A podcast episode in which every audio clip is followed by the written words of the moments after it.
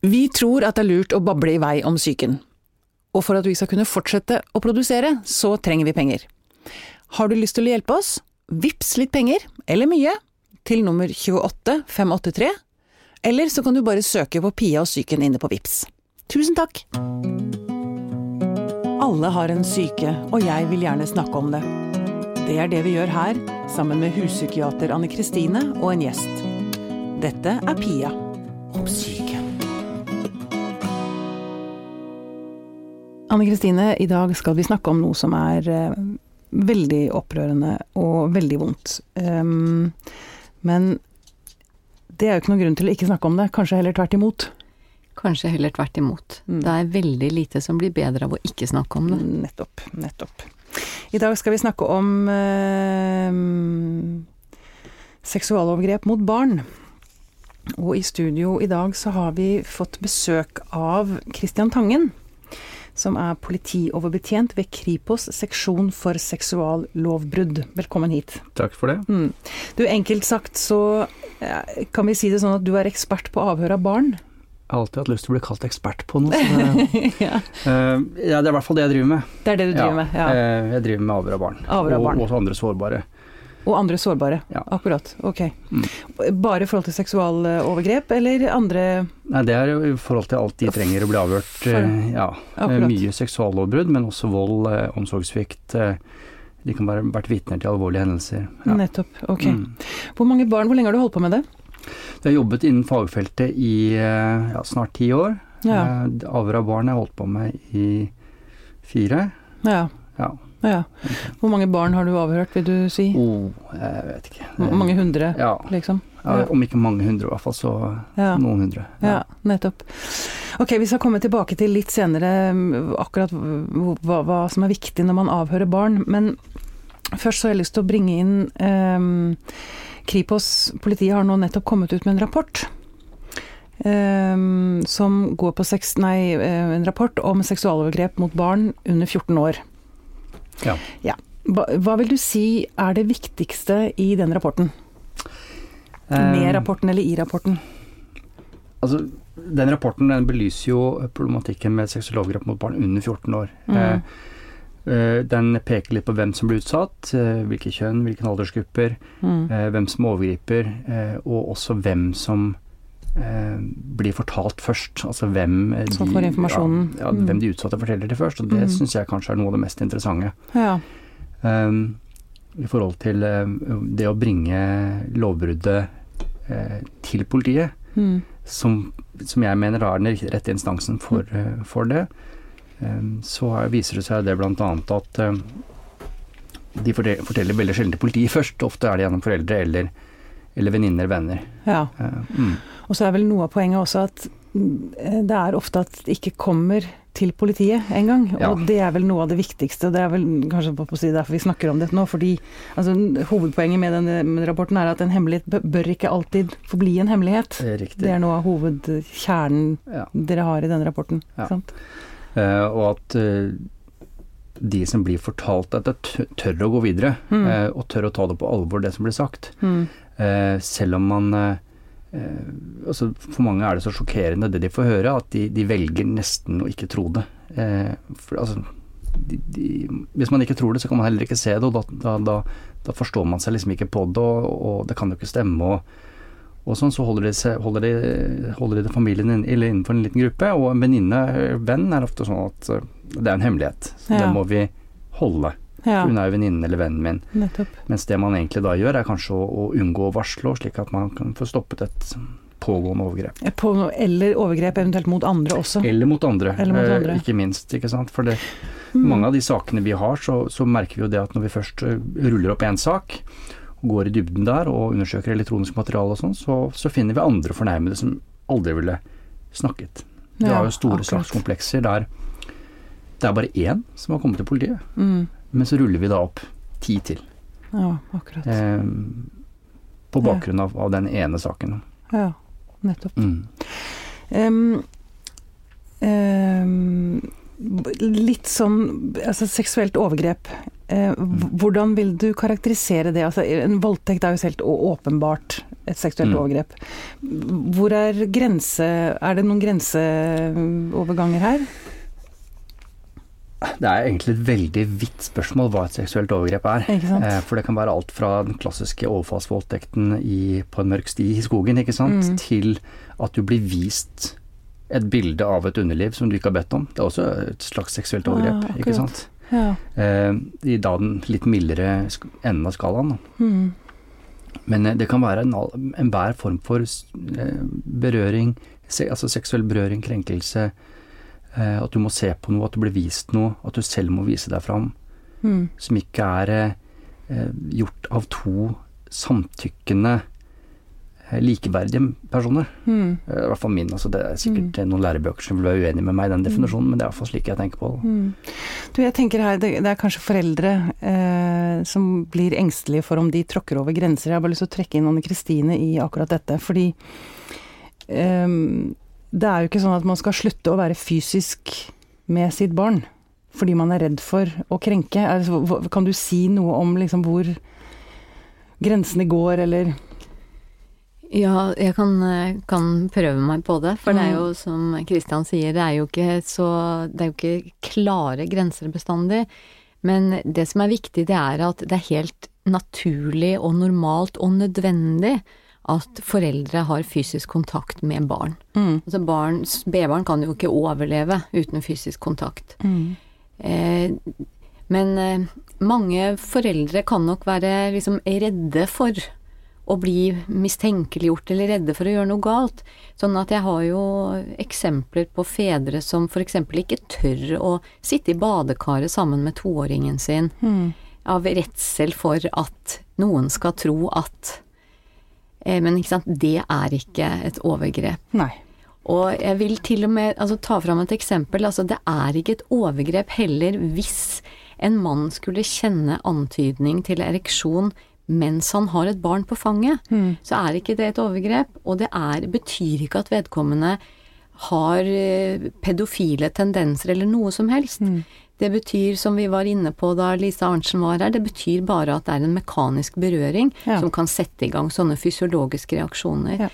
Sånn at eh, man behøver ikke å være så, så redd for den derre vanlige fysiske kontakten og de vanlige tingene. Nei. Og er man bekymra, så er det beste er jo hvis man kan snakke med noen andre voksne, Ja. og, og ha det som et tema. Ok. Men når er det fare på ferde? Spørsmål til dere begge to. Når er det Hvor går grensen? Kan vi si noe klart om det, eller? Det er jo både for, for mottaker og for avsender, si, av, av, av en potensiell krenkelse, så vil jeg jo si at eh, hvis den som mottar, mottar det, føler seg at dette er ubehagelig, at dette ikke er riktig, Mm. så mener jeg da er grensen overtrådt. Uavhengig om det er et lovbrudd eller ikke. Ja. Ikke sant? For det, da skal det jo objektive ting til for at det skal være et lovbrudd og du skal kunne komme i fengsel. Mm. Men jeg tenker på så, alle har hver sin grense også. Altså Noen ø, aksepterer mer enn andre, eller føler seg fortere krenket enn andre. Men altså uansett så er det litt sånn mottakeren bestemmer hva som er greit for seg. Mm. Og det mener jeg det må være en god regel ja. generelt. Altså Men det, er, det kan jo være litt vanskelig for et barn på å si åtte år, da. mm. Eh, hvis en forelder går over den grensen og, si, og si noe.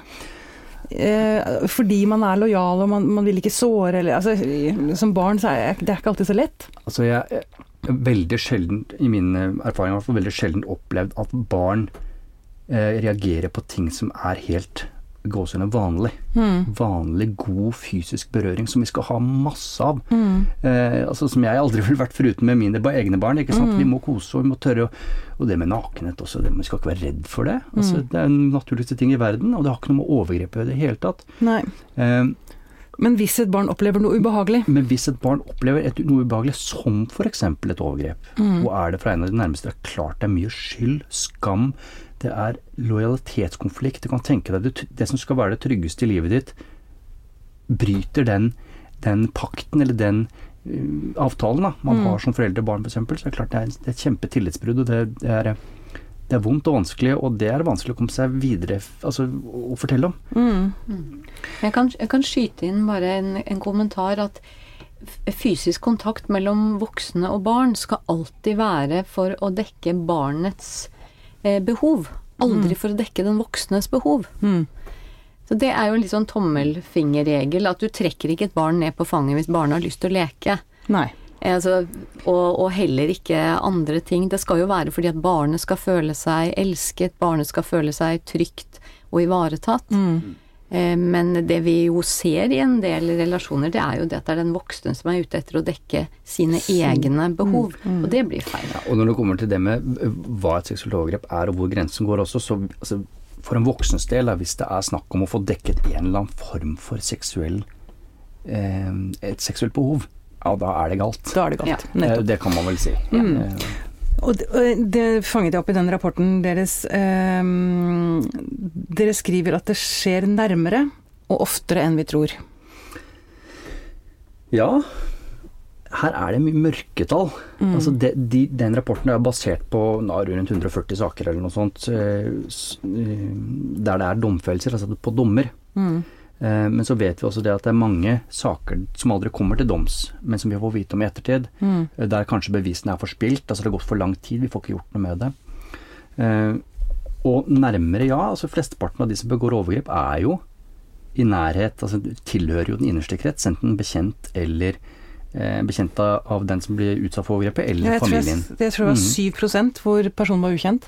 Ja, noe sånt. Jeg husker ikke helt Mm, tallet, men det, det er veldig, veldig få. Mm. Uh, enten så er det eh, ja, Som oftest, de største, største delen er en bekjent av familien eller bekjent av offeret. Ja, Mm. nettopp. Og jeg leser også at hovedvekten er unge menn, Ja. 18 til 25 år. Mm. Og det bryter jo litt med det, det bildet man kanskje kan ha av den klassiske overgriperen som er en eh, litt sånn eh, eldre, eldre Ja. gris, liksom. Mm. Eh, Mm. men, men du kan jo tenke deg alle de situasjonene der en, en eh, La oss kalle det en ung mann da forgriper seg mot en mye yngre, men så, altså da også veldig mye mer sårbar jente. Mm. Eh, kanskje på en 13 år, da. Mm. 13 år, og så er han kanskje 19-20. Mm. Det er jo eh, Og da kommer du inn under den statistikken der. Ja, Mm. nettopp. Mm. Men det jeg også leste, var at eh, eh, de som utfører Som utsetter unge jenter for seksuelle overgrep, ofte er utsatt for det selv. Eller ofte kommer fra omsorgs, hjem med Ja. omsorgssvikt eller vold, eller at de selv har vært utsatt for seksuelle overgrep. Ja, de altså det er en overrepresentasjon av litt dårlige kår, da, mm, i hvert fall. Ja, nettopp. Mm. Er, og derom de strides de lærde, og hvorvidt eh, hvor mange som har blitt utsatt for, eh, for seksuelle overgrep selv av utøvere, og det gjelder internasjonalt òg, eh, Mm. så er det gjort undersøkelser der eh, selvrapportering, altså anonym selvrapportering, og hva man sier til politiet og, og rettsvesen. Og der har jo Hva med selvrapportering? Altså, Altså, at, at man- hvis man- overgriperen selv kontakter Over- politiet og Nei, sier altså, at Overgriperen selv melder inn til, et forsk til en forsker. mm, Har jeg, blitt, jeg, jeg har begått seksuelle overgrep selv, har Mm. jeg selv blitt utsatt for, Mm. eller ikke? I mm, motsetning til hva man sier til politi og rettsvesen. ja. Da er det en høyere andel av dem som sier at de har blitt utsatt selv overfor rettsvesen og politi, enn dem som sier det når de rapporterer anonymt. Så du tror de bruker det som en unnskyldning? Det, er, det kan man jo er spekulere på da. ja, ok, ja. jeg, sier, ja. Mm, jeg skjønner. Ok. Um, ok, og så er det jo altså, Det å bli utsatt for et seksuelt overgrep er svært skadelig. Kan vi si noe om hva som skjer med et lite menneske som blir utsatt for det? Annik ja, det kan Anne Ja. Kristine kan begynne. Ja, altså du sa det jo, altså det er, det, er, det er skadelig. Og det som er ekstra skadelig, det er jo det at det er ikke bare et fysisk overgrep, men det er jo også et, på måte et psykisk overgrep. Mm. Sånn at det handler om så mye mer enn en det fysiske. Fordi at eh, nå kan jo det i seg sjøl også være veldig brutalt og skadelig, og, og altså gi både fysiske skader og smertetilstander og alt mulig. Men, men det mentale aspektet ved det, altså at et menneske som du stoler på, har tillit til og til og med er glad i, Mm. kan gjøre noe så feil. Altså Barnet blir jo satt i en sånn lojalitetskonflikt eh, som er nesten uten sidestykke. Og så har ikke barnet den, eh, det valget å kunne slutte å være glad i voksne rundt seg. Mm. Så det som ofte skjer, er jo at barna slutter å være glad i seg sjøl, og begynner å finne forklaringer på hvorfor det skjer, og, og, og det gjør jo noe med, med det barnet sin utvikling. Mm. seinere. Altså både fysisk og psykisk. Altså Mm. hvis man vokser opp med, med et veldig dårlig selvbilde, mye skam, smerter, og ikke minst hemmeligholdelsen i seg sjøl er skadelig. Mm. Så det for et barn å gå og bære på en hemmelighet gir jo altså store effekter på det barnet sitt hverdagsliv, så det kan jo gå utover konsentrasjon og skolegang og vennskap til andre og redselen for å bli avslørt. Altså det er, det er så Altså det er så mange skadevirkninger at det er nesten ikke mulig å komme på alt sammen. Mm. Vi hadde jo en, eh, en sak for noen år siden som jeg var etterforsknings, eh, eller hovedansvarlig for etterforskningen av, og det var en, rullet opp da en sak med mange fornærmede og mye gutter. Eh, Og Gutter som var blitt utsatt for det? gutter som var blitt utsatt for overgrep av Mm. en som var dem ikke i ren familie, men veldig, veldig nært. Mm. Og der ble overgrepene begått eh, ikke bare på eh, hjemme hos eh, de fornærmede, men på skolen og hjemme hos overgriper, altså både her og der. Mm. Eh, og han ene han brukte vi lang tid på å få i tale. Mm. Eh, vi prøvde og vi prøvde og vi prøvde å få han til å fortelle om det han hadde opplevd, og til slutt så sa overgriper at ok, jeg, jeg har gjort det. Og da løsnet det også for den gutten. Ah. Og han var så isolert, og så um, han, han, han fra å være en blid og glad gutt som var ute og lekte og spilte dataspill med vennene sine og alt sånt, så ble han bare isolert. Han bare satt alene til slutt, for han var ikke trygg noen steder. Mm. Han mistet vennene sine. Og han sa det at hadde ikke dere pusha meg, hadde ikke dere gjort det dere gjorde, så hadde jeg ikke vært her nå. Men nå går det jo veldig bra, da. Mm. Med den gutten? Med den gutten. Ja. Han kom godt inn i hjelpeapparatet og, og fikk Mm. kjempeoppfølging. Og, og det er jo noe av det kjempefine vi har fått med barnehusene også, som har kommet. Altså Vi Mm. har hjelpeapparatet tett på der og da. Altså De kan gå rett fra et avhør med politiet og rett i en oppfølgingssituasjon Mm. på barnehuset Mm. med av, av kyndige folk. Mm. Så det er supert. Akkurat. Mm. Hvorfor er det altså Sånn som han lille gutten. Mm. Hvorfor, ja, eh, hvorfor tror du han ikke begynte å snakke om det før overgriper selv hadde innrømt det? Altså, det nå går vi inn på lojaliteten. Er, det, er, det det som, er det derfor barn også holder tett, ofte? Jeg tror det er flere grunner til det. Lojalitet er én ting. Mm. En annen ting er skam. En annen ting er og, og, og, og skyldfølelse. At har jeg, Har jeg gjort noe har jeg gjort noe galt selv? Mm. Eh, og, og spesielt kanskje med gutter også, i en periode av livet der man er litt utforskende selv. Eh, Ja. der du kanskje kjenner litt seksuell lyst oppi det hele. Altså Det er jo ikke slik at alle overgrep er, er med tvang. Det kan være luring, lokking. Du begynner i det små. Mm. Begynner med å vise litt pornofilm. Onanerer sammen. Ikke sant? Sånn som unge gutter kan gjøre. ja. Og så utvikler det seg da videre. Også, det er jo helt eh, asymmetrisk helt fra begynnelsen av, ikke sant. Men, men det, det skjønner jo ikke denne gutten i den situasjonen han er i da, nødvendigvis. Mm. Og så baller det på seg. Mm. Helt til det da blir sånn klassisk overgrep. Um, og i en sånn prosess så kan man jo tenke seg at de føler skam og skyld for at de har vært med. Kanskje de også har hatt seksuell Har hatt glede av lyst, det. ja, ikke sant. Eh, det, gjelder også, det gjelder også jenter, tror jeg, men jeg tror det spesielt gjelder gutter. Mm. Og da i kombinasjon med at gutter ikke er i gåsehudene ofre. For det er jo ikke så veldig altså Det er mange gutter som kjenner på det at men jeg er jo gutt, jeg er jo, jeg er jo mann, jeg er en ung mann. ikke sant? Jeg, skal jo ikke, jeg er jo ikke noe offer, jeg. Nei, Ikke sant? Og da får du den skammen på toppen, for det man er ikke det klassiske offeret. Mm. Mens jeg tror at jenter nok har lettere for å akseptere at ok, jeg er blitt utsatt for noe som ikke er riktig. Ja. Mm. Akkurat. For det altså, leste jeg vel noe om at det er, det er eh, verre å få gutter til å tilstå, ja. Eller ikke, ikke Ja, tilstå, ja, det er veldig feil ord, men ja. til å, til å fortelle om det. Mm, mm. Enn det er Um, for, for jenter. Altså, jeg har sett mange tilfeller der de kommer som 25-åringer, um, da ti år etter overgrepene stan- stanset, Mm. og forteller om det. Mm. Og da er de som oftest ganske skakkjørte, altså. Ja. Da har de ikke noe gode liv. Ja, men i det Mm. hele tatt, det å, å ta en identitet som offer, Mm, er jo veldig tøft. Mm. det er det. Sånn at så lenge du sier at nei da, men du skjønner at eh, jeg var med på det, altså man sier det til seg sjøl, så slipper man å være offer. Mm. For at det å være offer, det er veldig ubehagelig. Mm. Og hvis de erkjenner at de er ofre, så vet jo mange av de at de burde si ifra. Men så er det fryktelig vanskelig å si ifra. Så Mm. blir det en sånn beskyttelse for nei, det er jo ikke noe å si ifra om. Mm.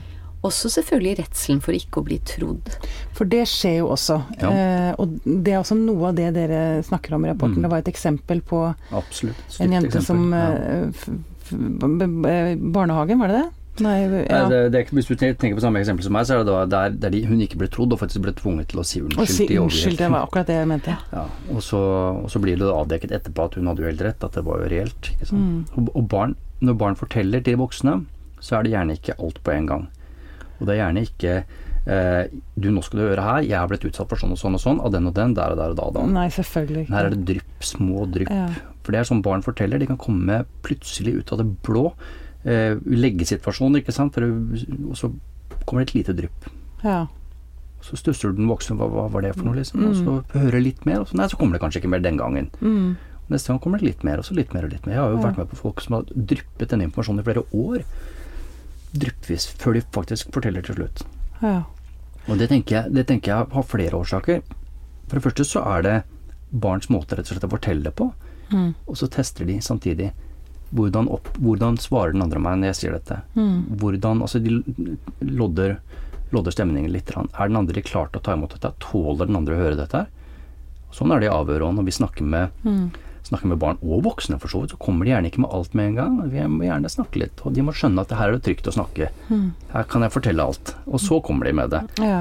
det men, for det er jo sånn, du, du vil jo ikke fortelle din innerste innerste, mest sår, såre hemmelighet til en person du ikke stoler på. Mm. Så det er jo my mye av det vi gjør i avhør også av, av barn og ungdom òg, er det å etablere den tryggheten. Mm. Gjerne over flere ganger òg. Mm.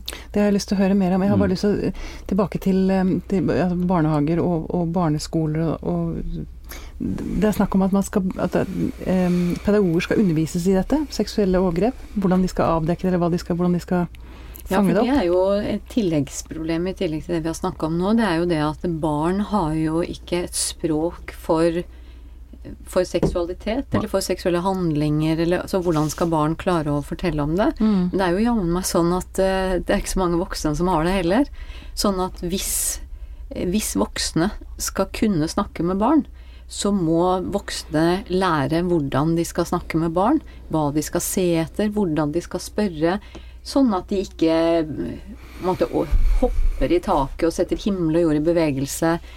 Og Og barnet blir, drama. kjempe, ja, barnet blir kjempeskremt og, si, og tenker at dette burde jeg aldri sagt nå. Nei, for nå lager jeg Men, bare problemer for mm. Ja, og de voksne tåler det ikke, og dette er så fælt at dette Mm. går det ikke an å snakke om. Mm. Sånn at man må, man må rett og slett lære seg til å bruke Altså til å sette ord på ting.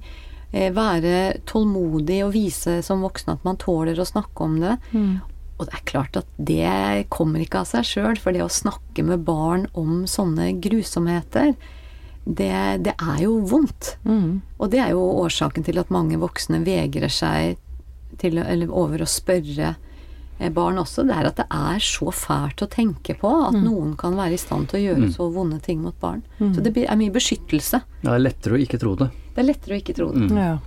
Men det, sånn, kan man jo, sånn kan vi jo ikke ha det. Vi kan ikke velge enkleste utvei hvis det er et barn som lider. det, det har vi plikt som eh, voksne å ikke gjøre. Mm. Og spesielt hvis man jobber i, i skole, barnehage, omsorgsyrker sånn sett. Så, Mm. må, så har du ekstra plikt. For det er jo til deg kanskje Hvis du er klasseforstander da, eksempelvis, så Mm. kommer de kanskje til deg da og sier dette. Eller helsesøster eller hva det skulle være noe. Mm, Mm. mm. Ok. Du, når du får inn et barn for første gang, Mm. hva, hva gjør du? Du snakket om at det er viktig å få barnet til å føle seg trygt. Mm. Hvordan gjør du det? Jeg informerer gjerne på forhånd, ikke direkte til barnet, men via en følgeperson. Da. Den personen som jeg vet skal følge. Så informerer jeg om hvem jeg er, hva vi skal snakke om. Mm. Sender gjerne et bilde på, på SMS eller på MMS. da. Av deg selv? Ja, meg selv. Så de vet at nå skal vi snakke med Christian, Ja. og Christian er politimann. Det er jeg helt klar på. Mm, mm. Eh, Men Christian har ikke på seg uniform. Eh, Og vi skal snakke om det og det. Uten å legge for store føringer. Uten å, uten å eh, ja, eh, selge skinnet før bjørnen er skutt, holdt jeg på å si. Altså, Mm. Du må Ha en åpenhet, litt litt åpen, må ha en åpenhet rundt det, men Mm. temaet må være klart. mm. Altså, vi- Så de er forberedt, de er på forberedt at på hva vi skal snakke dette om. Altså, de kommer ikke dit du ikke vet noen ting. Mm. Eller noen ganger gjør de det, men det er i hvert fall ikke politiets mening at de skal gjøre det. Mm. Så kommer de, og så er det jo eh, en eh, rolig tilnærming til det. Jeg forklarer helt åpent. Nå skal vi sette oss og prate litt, og vi skal sitte og snakke så og så lenge. Mm. Aller først skal vi snakke om Aller først skal vi kanskje øve på å snakke, det kan jeg si. Det kommer litt an på hvor gammelt barnet er. men Nå skal vi øve på å snakke. snakke. Ja. Å ja. Vi fort, da vil jeg høre om hva du gjorde Jeg har hørt at du begynte på korps fortell meg om første korps, ikke sant, korpssamling eller hva det skulle være for noe. Ja. Og så forteller de da om et nøytralt, kanskje positivt tema, så øver vi litt på hvordan vi skal snakke. Øver Mm. Så på du stiller spørsmål og Ja eller ikke, ikke sant? At jeg, at jeg gir muligheten til fri forklaring. Ah, ok. At jeg forteller at hvis jeg er litt stille nå, så er det fordi jeg vil gjerne gi deg muligheten til å tenke. Eller kanskje at jeg trenger å tenke selv. Ja. Og da, det, det skjønner barn, ikke sant. Og så litt avhengig av alder, selvfølgelig. Og så, og så um, sier vi at ok, nå har, vi, nå har jeg blitt litt mer kjent med deg. Mm.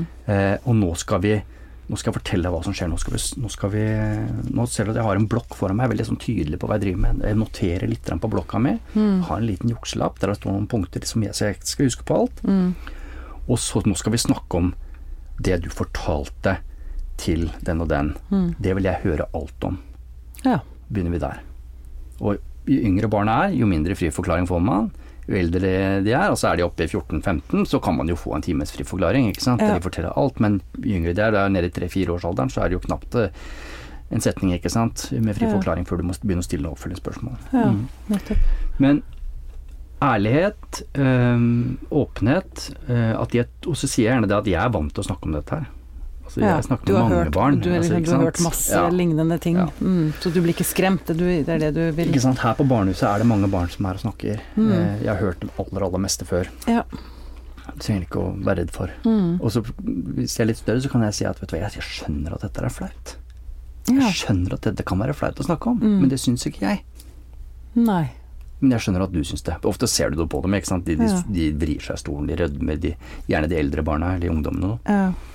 Og bare få slått fast det med en gang. Jeg syns ikke det er flaut å høre, men snarere tvert imot. Jeg vil gjerne høre Mm. alt om det. Alt om det som skjedde der og da. I detalj. Jeg kjenner, jeg kjenner jeg blir veldig trygg. Jeg har lyst til å fortelle alt nå, kjenner jeg. Så, så, sånn går det da. Men, men det er jo denne kommunikasjonen og denne eh, som foregår hele tiden.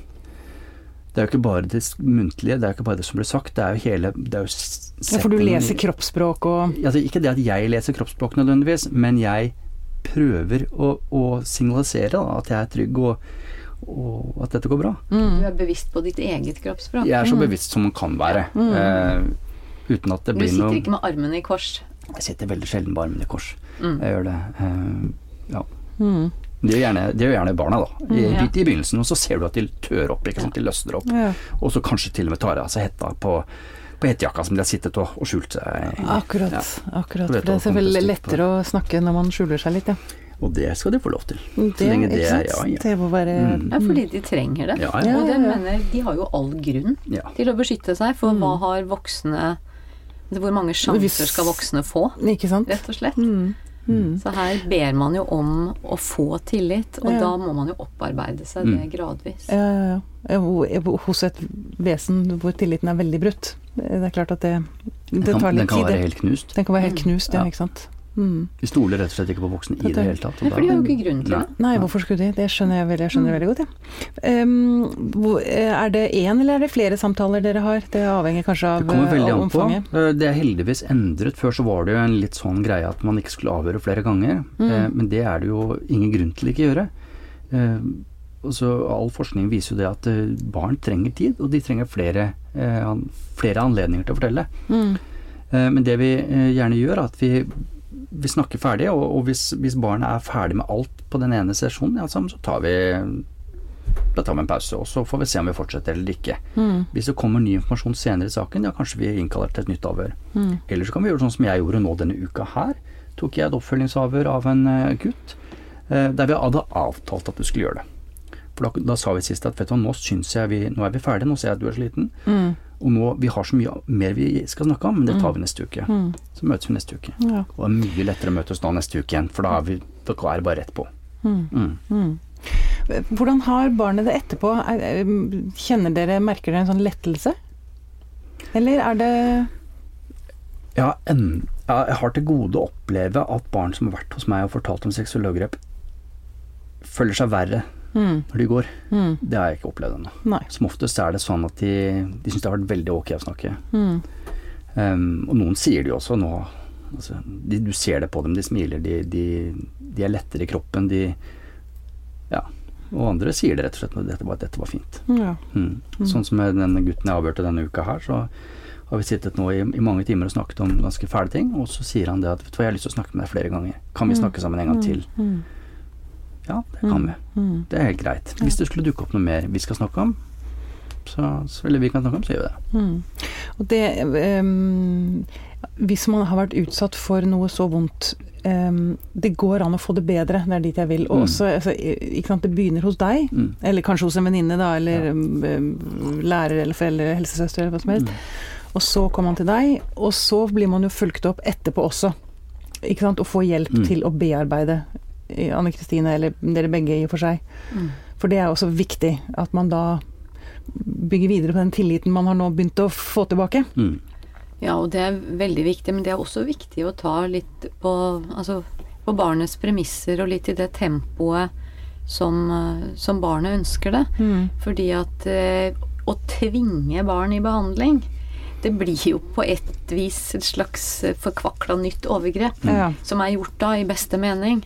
Eh, så her også handler det om å, om å føle seg litt fram og, og, og så snakke med barna, spørre barnet, og, men hele tida holde det åpent at eh, det er veldig mange som har nytte av å snakke med noen Mm. over litt tid. Og at det finnes folk som har både utdanning og erfaring med å gjøre nettopp det. Og bare gjøre det helt klart at det fins, og det tilbudet kan du få. Eh, og, men, men altså som, som et tilbud. Mm. Og selvfølgelig med de små barna så kan det jo ligge et, et sterkere innslag av anbefaling i det. Mm. Men det har ikke noe for seg å presse og tvinge barn Mm. eh, før de kjenner at de er klare for det. Og som, ofte, og som ofte så er det jo den som skal foreta, på barnehuset, den som skal foreta oppfølgingen, har også sett avhøret. Ja. Så de trenger ikke få, få dette fortalt Få en gang til. om igjen, ikke sant. For de har sett, de har vært der til Ja, stede, de har snakket med etterforskeren, de, de vet Mm. akkurat hva dette dreier seg om. Mm. Og så kjenner de også saksfeltet, de er vant til å snakke om akkurat det saksfeltet. Ja, men jeg bare tenkte det er viktig å poengtere altså, at hvis det er noen der ute som hører på, som går og bærer på noe sånt nå Mm.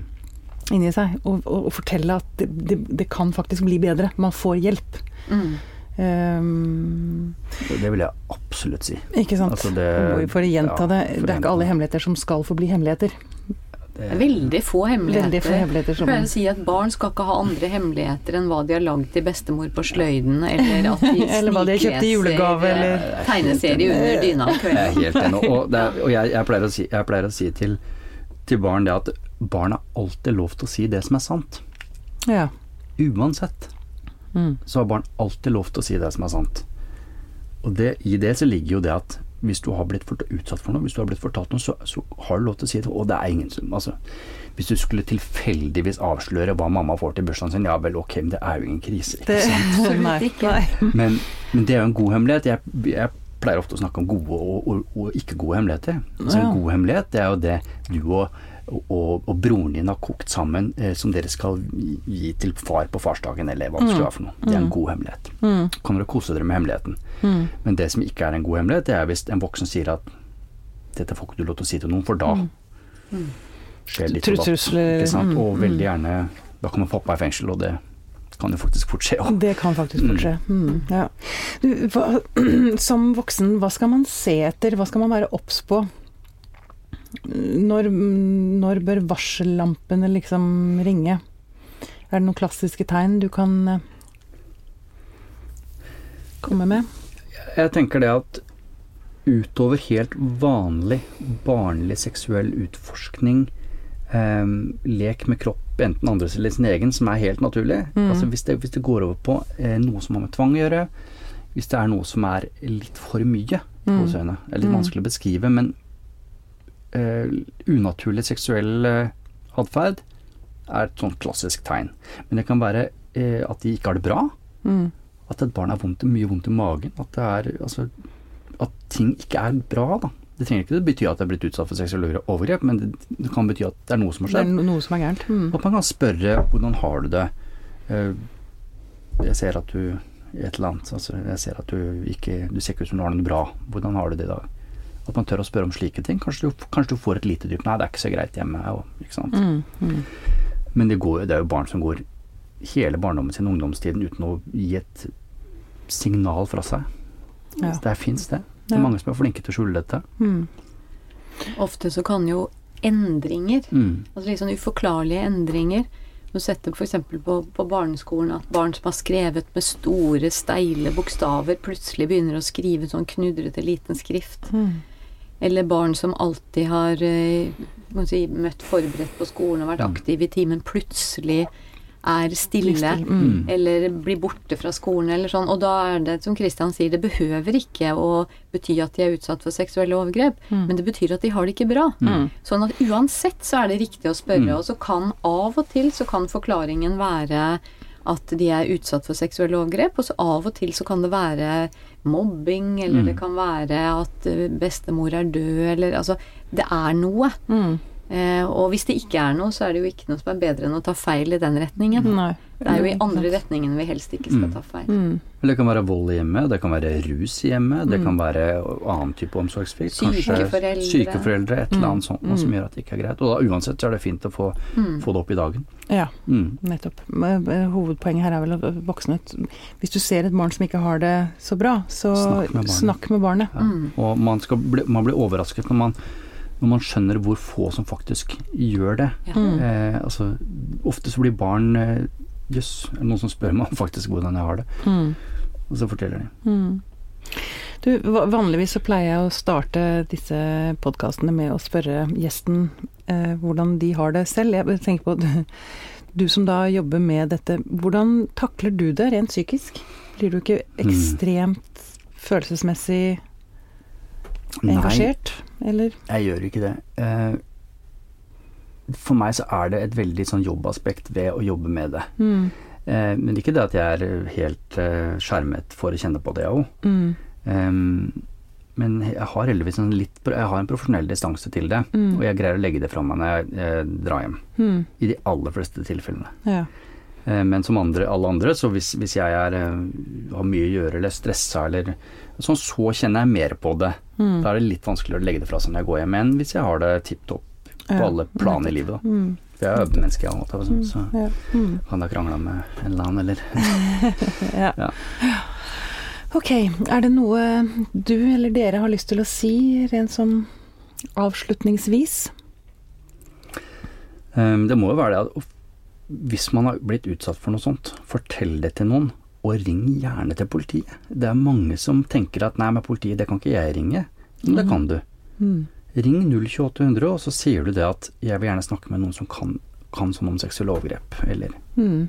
og det går an å ringe og spørre om, hvis man lurer på om det liksom Ja. Er jeg blitt utsatt for det?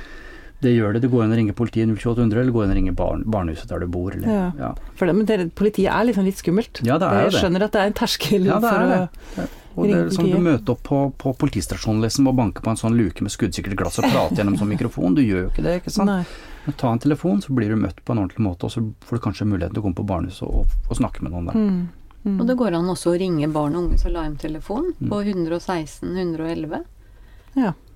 Og da kan man være helt uh, Man behøver ikke å si hva man heter. Nei. Man kan bare si at uh, 'jeg har noe jeg lurer på'. Mm. Og så får man eh, gode og kvalifiserte råd. Mm. Og dette gjelder både barn og selvfølgelig voksne, hvis Mm. de lurer på om de har barn rundt seg som har vært utsatt for noe. ja. Det går an å, absolutt. går an å Ta den plager, ta telefonen den telefonen. Mm. Du plager ingen. Altså, det, er, Det er lov å bry seg. det er lov å bry seg. Fint. Eh, Tangen, tusen takk for at du kom til oss. Bare hyggelig.